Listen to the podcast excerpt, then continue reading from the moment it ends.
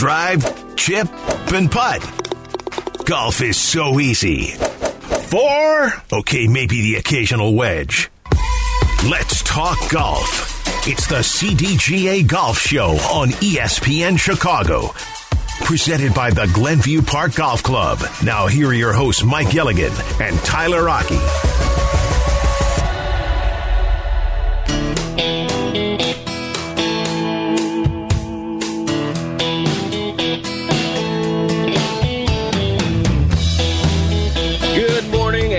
Welcome on into the CDGA Golf Show on ESPN 1000, also on 100.3 HD2, and you can take us on the go with the ESPN Chicago app. Tyler Rocky, Mike Gilligan, we talk golf with you every single Saturday throughout the golf season, 8 to 10 a.m., right here on ESPN 1000. You want to join us? 312 332 3776. This segment is sponsored by Geneva National. Experience 54 holes of legendary golf at Destination Geneva National. I am out on the road in the great golfing state of North Carolina. Mike is in his humble abode back in the Chicagoland area. Good morning, Mike. How you doing today? Good morning, Tyler. Doing well, and good morning, everybody here in Chicago. Tyler, the weather here is a little overcast and cloudy, but still we can get out and play, uh, at least as Mother Nature keeps the rain away. But rain is, in fact, coming. So uh, feel p- sorry for the people at Lollapalooza later today, but uh, hopefully those that are getting out this morning are, are making it out and will get their 18 in before the inclement weather, weather does arrive. Well, you don't have to worry about the what the 16 to, to 21 crowd pretty much at the the courses or the driving ranges today because they'll all be occupied up at Lollapalooza. So, um, should be a, a great golfing day though, nonetheless, as long as the the rain stays away out in the Chicagoland area. Pretty interesting week this week, Mike, in the the world of golf as Tiger Woods has joined the PGA Tour Policy Board. That means he's going to be a part of a group of six players that now are going to have a little bit of a say in how everything kind of shakes out, especially with this new merger between the PGA Tour and the Saudi PIF. So the thing with Tiger Woods is that he's been largely silent on a lot of things involving LIV golf. He hasn't really put his foot down. He's obviously stayed loyal to the PGA Tour, but this is, I think, the first major step that we've seen Tiger take. And it's taken a little bit for him. And for a guy who hasn't played in many events over the last two years since LIV golf has become prevalent. But this is a big first step for Tiger in terms of showing his, how he wants to get involved and how he sort of wants to plan for the future of golf and the sport at large. No doubt. And, you know, this is actually a very positive sign, not only for golf fans, but for the PGA Tour players themselves. Whenever Superman comes in to save the day, I think it gives the opportunity for the players to have an additional seat on the board. It now brings the number up to six. So they now kind of have a majority. So I think there's a bit of relief on the players' side knowing Tiger's there. He's going to look out for the best interest of the tour and us. He knows this inside and out. He is the the leader in many different ways, but he could be leading an era and a change in the golf ecosystem that may have more of an impact than anything he has done in his career up until this point.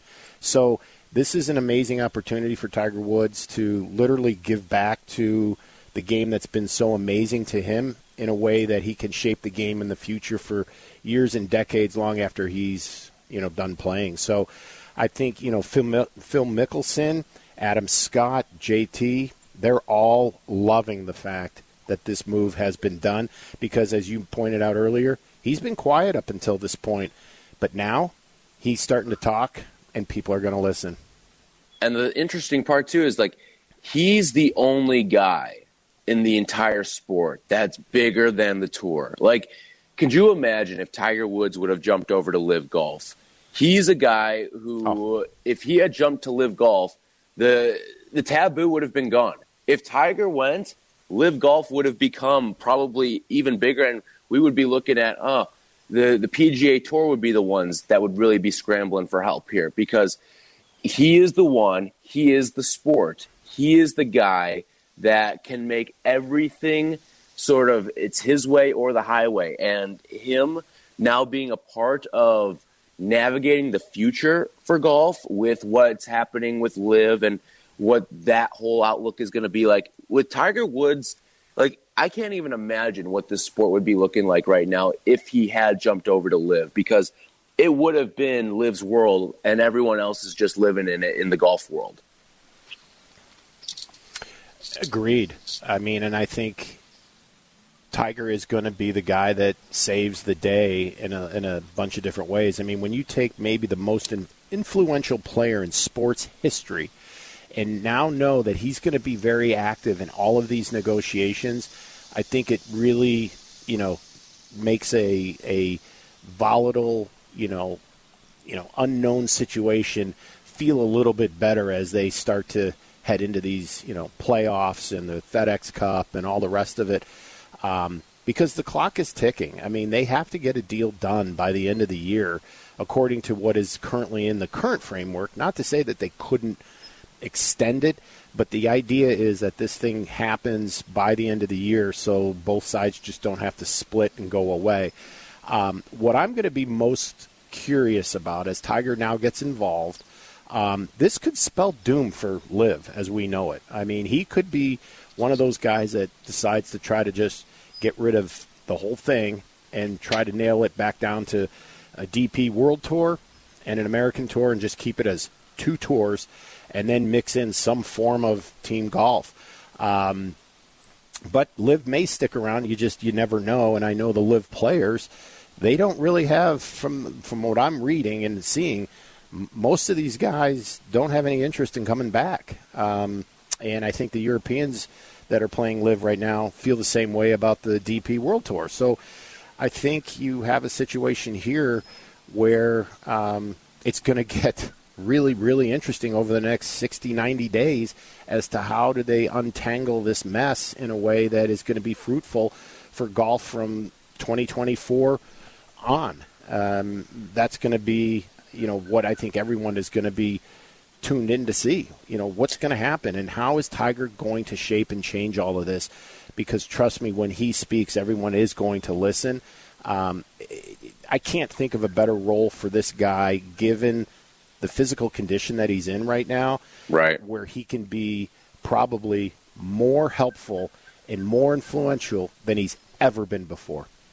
You know what's interesting too is I don't think the world really knows his true thoughts on LIV either because remember I, I can't remember if it was the Masters or or what it must have been the Masters this year and he was talking I believe it was to to Brooks and he knew everything about LIV like he almost like he had been watching it pretty much ever since it had, had started up. And I wonder what his true stance is on LIV because he cannot like it. But if he doesn't hate it, he may align a little bit with some of the things that LIV wants to do in terms of continuing to build for the future and all that. And then at the end of the, of the day, like with the the new policies in place that we're expecting to see, with some cash going to the guys that remained loyal to the PGA Tour as a part of this new uh, deal and merger with the, the PIF, who knows? I mean, he could be getting a whole bunch of cash to say, "All right, just let the let the the LIV golf circuit continue and it's not going to harm you. You just kind of have to stay out of the way of it and just let it continue to exist in its current format. Well, and you, you bring up an excellent point. We truly don't know. I mean, we know that Tiger wanted to protect his legacy, and I think as he was looking at LIV, he was looking at it through the lens of me, myself, and I. You know, my majors, my tour wins, the numbers thereof, the legacy, and all of that. But now he's got to look at this for the better part of the you know the Webb Simpsons and the Charley Hoffmans of the world, if you will. Mm-hmm. Um, so he has to look at it from the bottom third, the middle third, and the top third of all the tour players. When he's always resided in the top, well, the top upper echelons, if you will. But now he has to step back and look at it through a different set of lenses. And but the one thing that Tiger has going is the trust factor they know that he will look at this in a way that is going to be best for everybody. Um, and they have a lot of faith in him. But to your point, we really don't know. I mean, we have an idea how he didn't want his legacy to be hurt by this. But as he steps back now, puts that aside and says, okay, from a pure business perspective, what is the right thing to do here? What is the right way to merge this thing, you know, ruin this thing, remove, tailor, adjust, customize? Um, that's what's going to be so very, very interesting to see. And it's almost as this wears on, I'm going to be curious to see how much of this news is going to overshadow what's going on, for example, in the run to the FedEx Cup. Because some of this has to start playing out relatively soon, or they're going to start running out of time.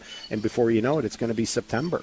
And then and the interest, yeah, and, and the interesting part too is in the most pivotal time in golf history, it seems like there has never been more shaky leadership right now with what's happening with Commissioner Jay Monahan.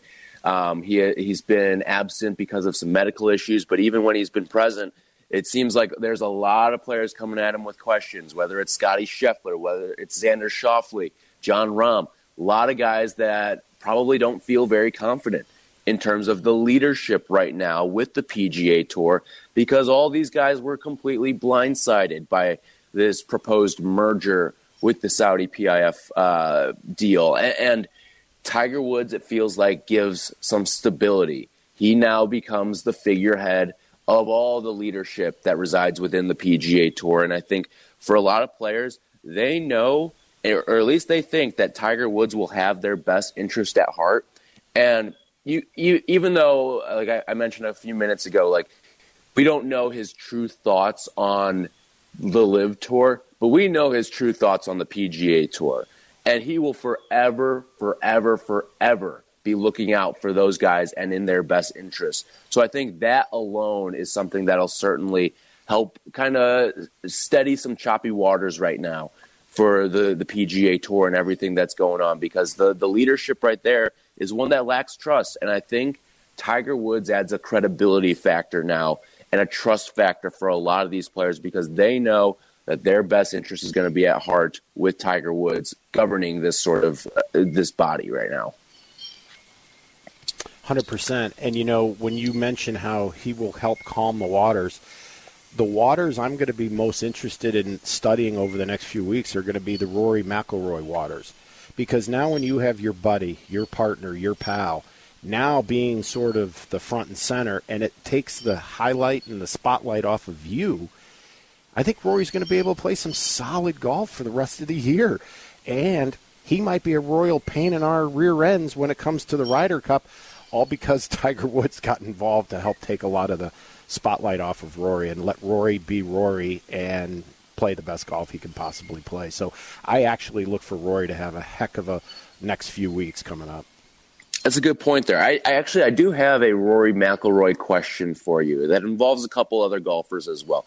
Uh, let's do that when we come back here. Tyler Aki, Mike Gilligan. This is the CDGA Golf Show. At nine o'clock, we'll talk to Brendan Sweeney, the director of golf media and player development at French Lick Resort. Big news for the Corn Ferry Tour and French Lick Resort. We'll get to all that at nine o'clock with Brendan, and also tell you about a fantastic CDGA member perk that uh, French Lick Resort is offering as well. We'll do all that at 9 o'clock here. Tyler Aki, Mike Gilligan, 312 332 3776. If you want to join the show here on ESPN 1000, this segment brought to you by Geneva National. Experience 54 holes of legendary golf at Destination Geneva National.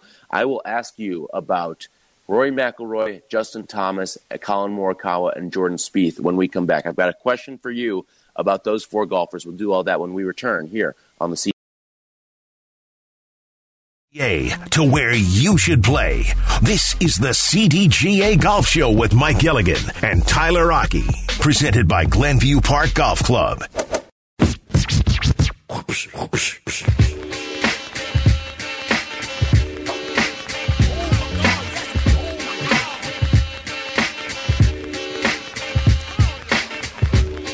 This segment is brought to you by Tour Edge. Tyler Aki and Mike Gilligan with you on the CDGA Golf Show here on ESPN 1000. Been talking a lot about Tiger Woods and what's been happening with him as he has joined the PGA Tour Policy Board. He's now one of six players, and the uh, interesting part now is there is a voting majority among the players now as a part of this PGA Tour Policy Board. So Tiger Woods, obviously a very influential name and voice in the sport, and that influence and brand has grown even bigger now with this latest move. But you were talking a little bit earlier, Mike, and I thought it was an interesting point how with Tiger Woods not calling the shots, but being a part of the shot calling group now, is it going to help out Rory McIlroy? Because we've seen Rory McIlroy as the one carrying the torch for the PGA Tour and being the voice of this is the tour, and the tour will be the premier golf league within the entire sport. And it feels like there is some burden that has been taken off of his shoulders now with Tiger getting involved because Tiger, again, who knows the next time we're going to see him on a golf course, if we even see him on a golf course in a significant event here moving forward because of the way that his health has unfortunately uh, played out here as of late. And, and with Tiger Woods now stepping into this, is this going to take a lot of pressure off of Rory McIlroy to be that voice now within the sport? And is it ultimately going to allow him to play better golf? It's certainly something that golf fans are, are going to be watching for over the next year. I, I truly do. I really think it will because really when he had a really poor master showing and really was the only major that he really didn't perform to the Rory McIlroy standards that we've come to know. That being said, I think at the same time how he started to play better was when he did take that break, realize that I'm carrying the weight of the world on my shoulders. I have to take a mental break, even to such the extent if it's going to fine me $3 million by not going to, you know, if I miss two of these, you know, designated events, and obviously the one right after the Masters was, he realized mentally he was fatigued. He was not in a good place. Um, and I think really since June 6th, when the ultimate story came about, how these two are going to somehow coexist or merge or acquire one of the other, his golf game has gotten pretty darn good.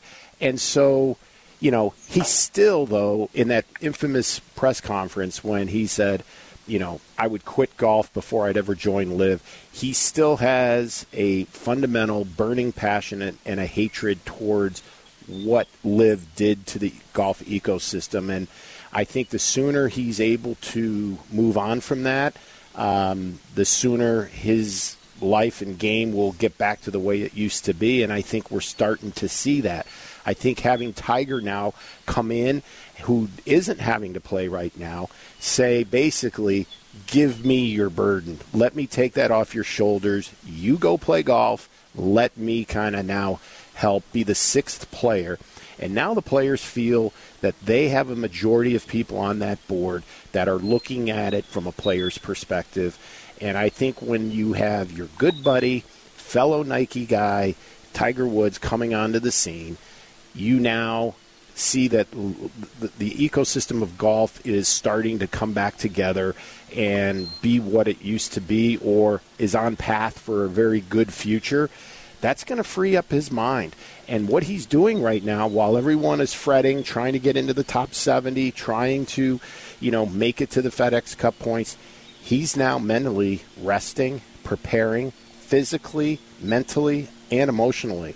And I think he, it would not surprise me in the least if he goes on a terror for the rest of the season.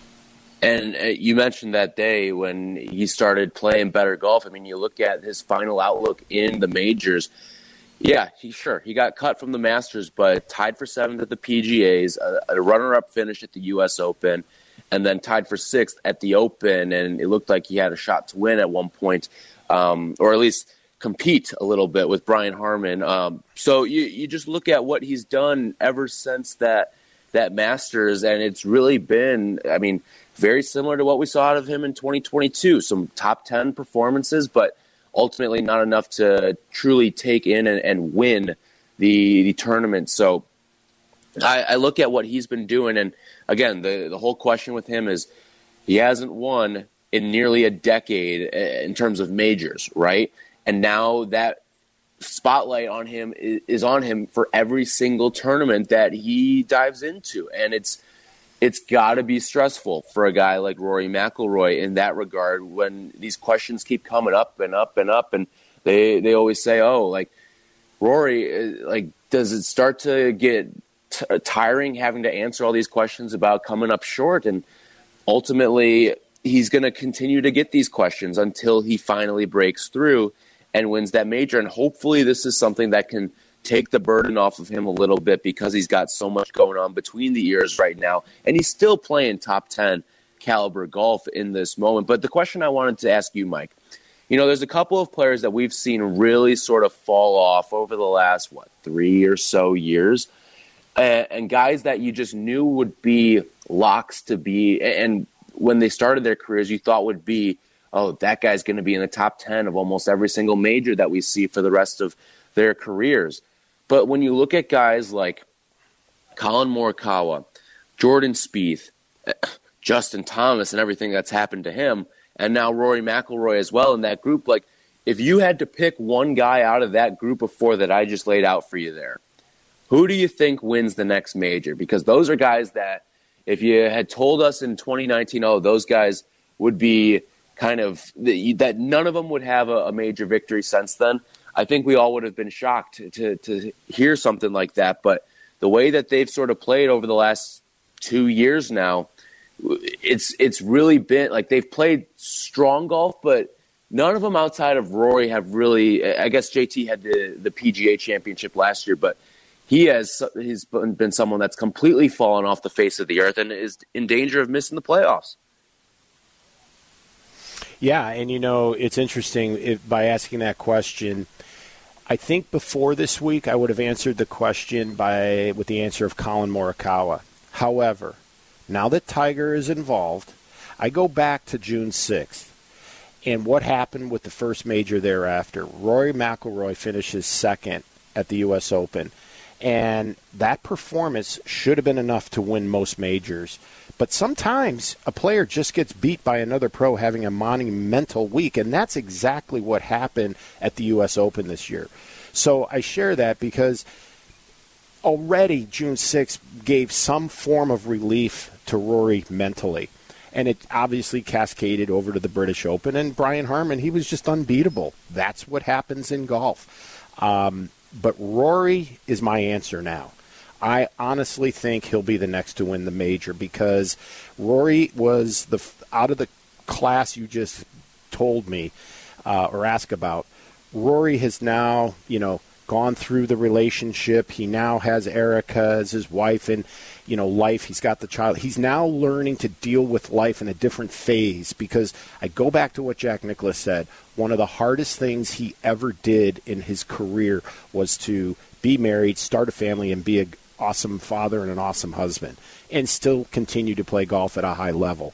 I think, you know, at least the Jordan and JT are are in that same mix right now, trying to figure it out.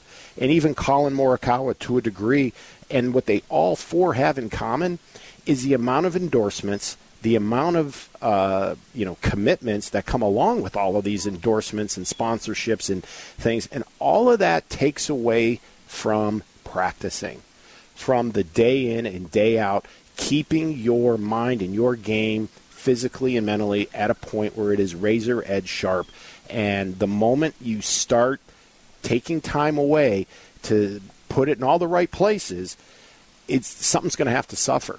And I think what these guys are starting to realize is that I can only put so much on my plate and still be the player I intended to be when I was just a, a, a single man coming fresh out of college and trying to make it on the tour. So I think it's just an evolution that a lot of these guys start to hit in the late 20s, early 30s. Um, either because of the success and or the, some of the personal life all getting intertwined and trying to figure that component out. Yeah, I think the other interesting wrinkle in all this too is like how you would rank them out moving forward as well because like I don't know what to make of Justin Thomas's struggles. It, has it, he doesn't look like a professional golfer out there at times, and that's something that I would have never thought we would have said about someone like Justin Thomas, who was just so steady for so long. And, and this year, the wheels have just completely fallen off for him. He's putting up rounds of 80 left and right, it feels like, for, for a JT there. Um, and then Jordan Spieth has always been sort of a conundrum because – like he's had the success early on in his career. I mean, you go back to 2015, what a banner year that was for him. Uh, a pair of, of major wins and then finishes top five in the other two majors. Um, but the way that his career has sort of gone since 2019 as well, uh, had a nice showing at the Masters this year, finished inside the top five. But outside of that, it's just kind of been he's been playing top 30 golf it feels like. And he's not racking up these big wins on the PGA Tour as well. Like he's got a win last year and a win the year before, but doesn't have a year uh, a win this year on on the calendar. And it just Jordan Spieth week to week has just been sort of this. Uh, like he's he's good enough to be in the mix at times, but he, he I don't know if I see another major win in his future. Yeah, I, I would agree with you on Jordan Spieth, but your point about JT is is well said. I mean, if you talk about a guy that's been consistently inconsistent, it's Justin Thomas. And it was interesting. I, I watched some of his Thursday round because, you know, up until that point, Thursday's round was probably the most important in his career. Now he went out even. Well, then that made yesterday's round now the next most important one. But what was interesting on Thursday, he appeared, he looked out of sorts, he looked off balance, and he really started looking like a guy out of time. Um, but yesterday, wow, he came back, and it was like all of a sudden his clutch gene kicked in yesterday. Mm-hmm. Now, which Justin Thomas is going to show up today, this weekend? Because if I'm you know, Zach Johnson looking at this, I'm like, there, there, there's my clutch guy. He's coming through when he needs to at most. If he can somehow finish in the top four this week, that gets him into the top 70, and now that gets him going towards a lot of momentum. That's a good, but b also getting him into the FedEx Cup uh, running. But then c it's all about the Ryder Cup, and you know when you when the chips are down and you've got to play well well, that was yesterday and he came through. But unfortunately for Justin, the next two rounds are going to be equally as important. So I think this weekend is going to be a very, very telling in how Justin Thomas's career or year basically either continues or ends. And um, it's it, it is it's it's it's baffling when you look at how talented these guys are, but they all seem to hit this little lull in their career and they just have to fight like mad to get out of it. And, and like you bring up the the point about like then the next round becomes the most important one of the year. When you keep having to stack those and keep having to perform in those, then wow, you you really start to play some really pressure packed golf. And I mean, in terms of Ryder Cup status, like that may be a good thing for Justin. Like if he goes out there and, and really plays some of the best golf of his life, over these next two days at the Wyndham, like then you're talking about someone that Zach Johnson, I think, has even more confidence in. Even though, I mean, leading into this week, there probably was very little, if any, confidence in a guy like Justin Thomas. So certainly fascinating. We will continue to keep our tabs open on Justin Thomas because he is one of those guys that's going to be one of the more fascinating watches over the next couple of days and if we get there, a couple of weeks as well. Uh, when we come back, uh, Jon Rahm with some interesting comments as well about the Ryder Cup. We'll do that as well as uh, with Jay Monahan too and LIV Golf. We'll do that when we return. This segment brought to you by Tour Edge, the CDGA Golf Show. We'll be right back. Golf is on your mind and on the air right now. This is the CDGA Golf Show on ESPN 1100.3 HD2 and the ESPN Chicago app. Presented by Glenview Park Golf Club.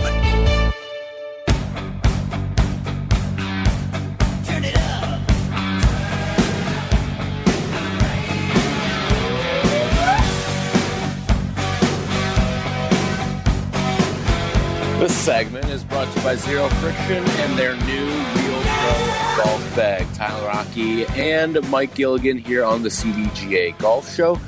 here on ESPN 1000. We talk golf with you every single Saturday from 8 to 10 a.m. And if you missed anything, be sure to check it out on uh, the ESPN Chicago app or wherever you get your podcast. So, Jon Rahm uh, had some interesting comments that he made on a Spanish language podcast, the Golf Sin Etiquetas uh, podcast. And he talked uh, a little bit about Jay Monahan as well as Keith Pelley, the CEO of the DP World Tour, and talking about how they have to earn their trust again. And you look at everything that sort of happened with Jon Rahm over the last couple of years. I mean, a guy who has elevated and put himself on the fast track to stardom here, uh, going out winning the Masters this year. And this is kind of contradictory to what we heard from Jon Rahm, who kind of played it played it close to the vest the first or the last time we heard him asked about uh, Jay Monahan and saying how Jay's always been so good to me and my family, and this was on the, the heels of the uh, the Open Championship out in Royal Liverpool, and that seems to have changed a little bit. And, and he talked a little bit more about how two minutes before the announcement came out that the PGA Tour and the PIF were merging, that someone called him and he thought it was a joke and then he finds out a couple minutes later that no, this is something that is happening.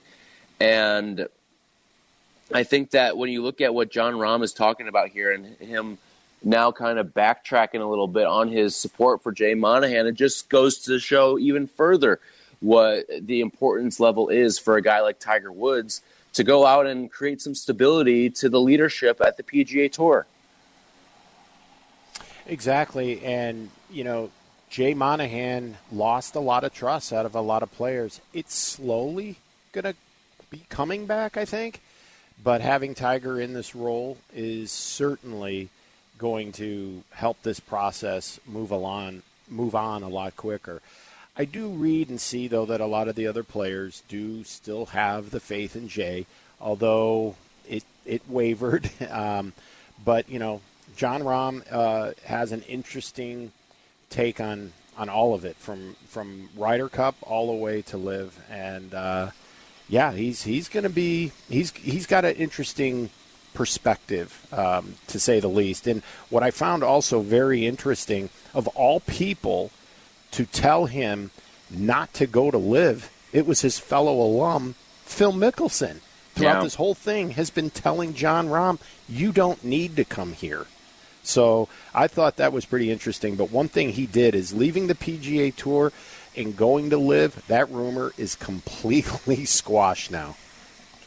Yeah, I think with the the money that's going to be coming to a lot of these guys, you'd imagine guys like Rahm and and Rory are going to, if they choose to accept it. Again, that's a, that's another question uh, as part of all this. But the money that's going to be coming to them as a result of staying loyal to the PGA Tour is going to be a pretty hefty sum.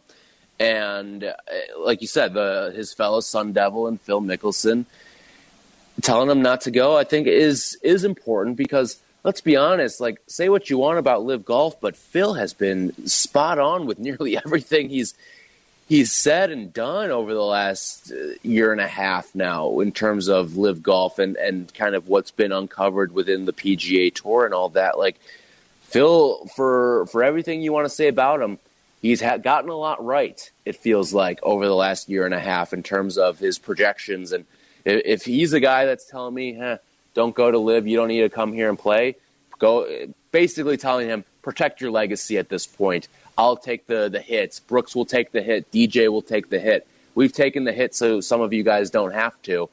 Like it, at that point, why would anybody be flipping over to LIV at that point? Because it seems like the money's going to be coming and flowing in as a member of the PGA Tour. So at that point, what's the point? Like this, this kind of once this merger becomes official, it's going to to pretty much uh, everything's going to sort of even out. It feels like from a financial standpoint.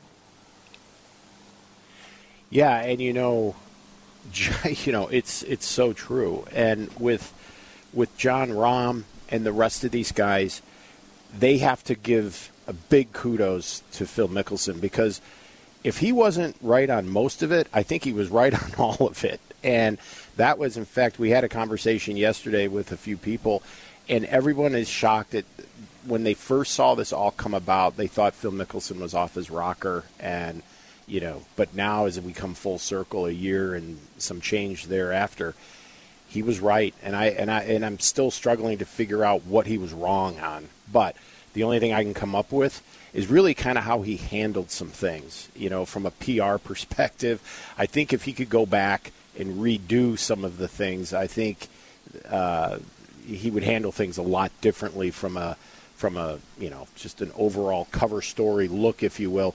But uh, but you're, you're right. He was right, and he continues to be right, and he continues to be right even in the world of Jon Rahm and giving him that type of advice. So uh, yeah, I think at the end when this all plays out and we're like five years down the road from now, I just wonder if we will look back at Phil Mickelson in a way of, wow, what a thinker, what a out of the box kind of guy. Thank God that he did this because where would we be here five years later if this never would have happened? So, you know, right now, polarizing figure, but, you know, like you said, he was right. Yeah. It- optically it looks poor, but actions wise, it, it's not. Like that's that's ultimately the the way that I look at everything that's sort of gone down with Phil ever since LIV Golf has sort of entered the the conversation here. All right, when we come back, let's take a little whip around what's going on with the Wyndham Championship. We'll do that when we return. This segment brought to you by Zero Friction, the most innovative products company in golf. How's your golf game? Yeah, mine too, but more on that later. It's time for more golf talk on the CDGA Golf Show, your guide to golf around the world and in your neighborhood. The CDGA Golf Show on ESPN 1000. Now, here are your hosts, Mike Gilligan and Tyler Rocky.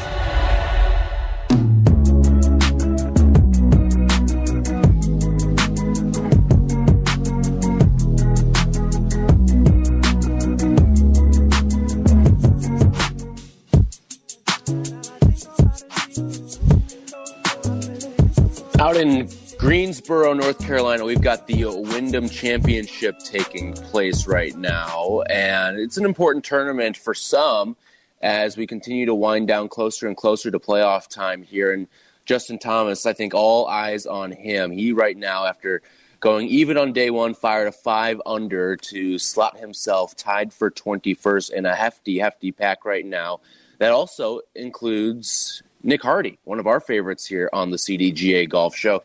He is at five under as well. He's set to tee off in about 90 minutes from now. By the way, this segment brought to you by Tullymore Golf Resort. Experience a Michigan masterpiece. So, Mike, as we look at the, the leaderboard right now at the Wyndham, um, at the top, you've got Russell Henley. He's got a one stroke lead at 12 under over Billy Horschel, who sits at 11 under.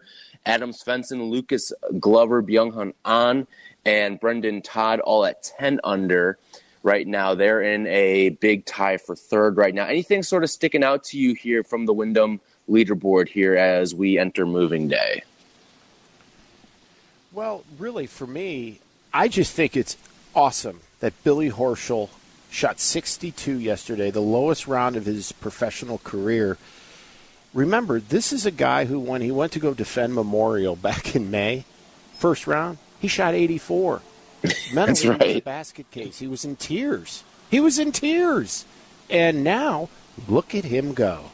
And th- Billy Horschel could have one heck of a rest of the season building on what is happening now. And he's a good dude, and and it's just so cool to see a guy go from bottoming out to climbing back up and getting back up to the top of the mountain again and playing just some solid good golf. And another guy that you know we haven't heard a lot from this year uh, former major winner lucas glover. He's having a good event. He shoots 66 64 um, that's nothing to sneeze at. He's only two back. And then Brendon todd had a heck of a uh, day yesterday. So some low scoring yesterday from some guys that uh, not only have some skill sets, but but this is really an event that could help shape the rest of their season this year as well as rolling into next. So. Um, good to see guys coming back like that after you know battling adversity the way Billy Horschel has. So I'm looking at some of the odds right now, and I'm not looking necessarily at the the winners odds, but I'm looking at a matchup in front of me right now. Justin Thomas, and he's paired up with Sungjae Im. Justin Thomas is even money right now to win.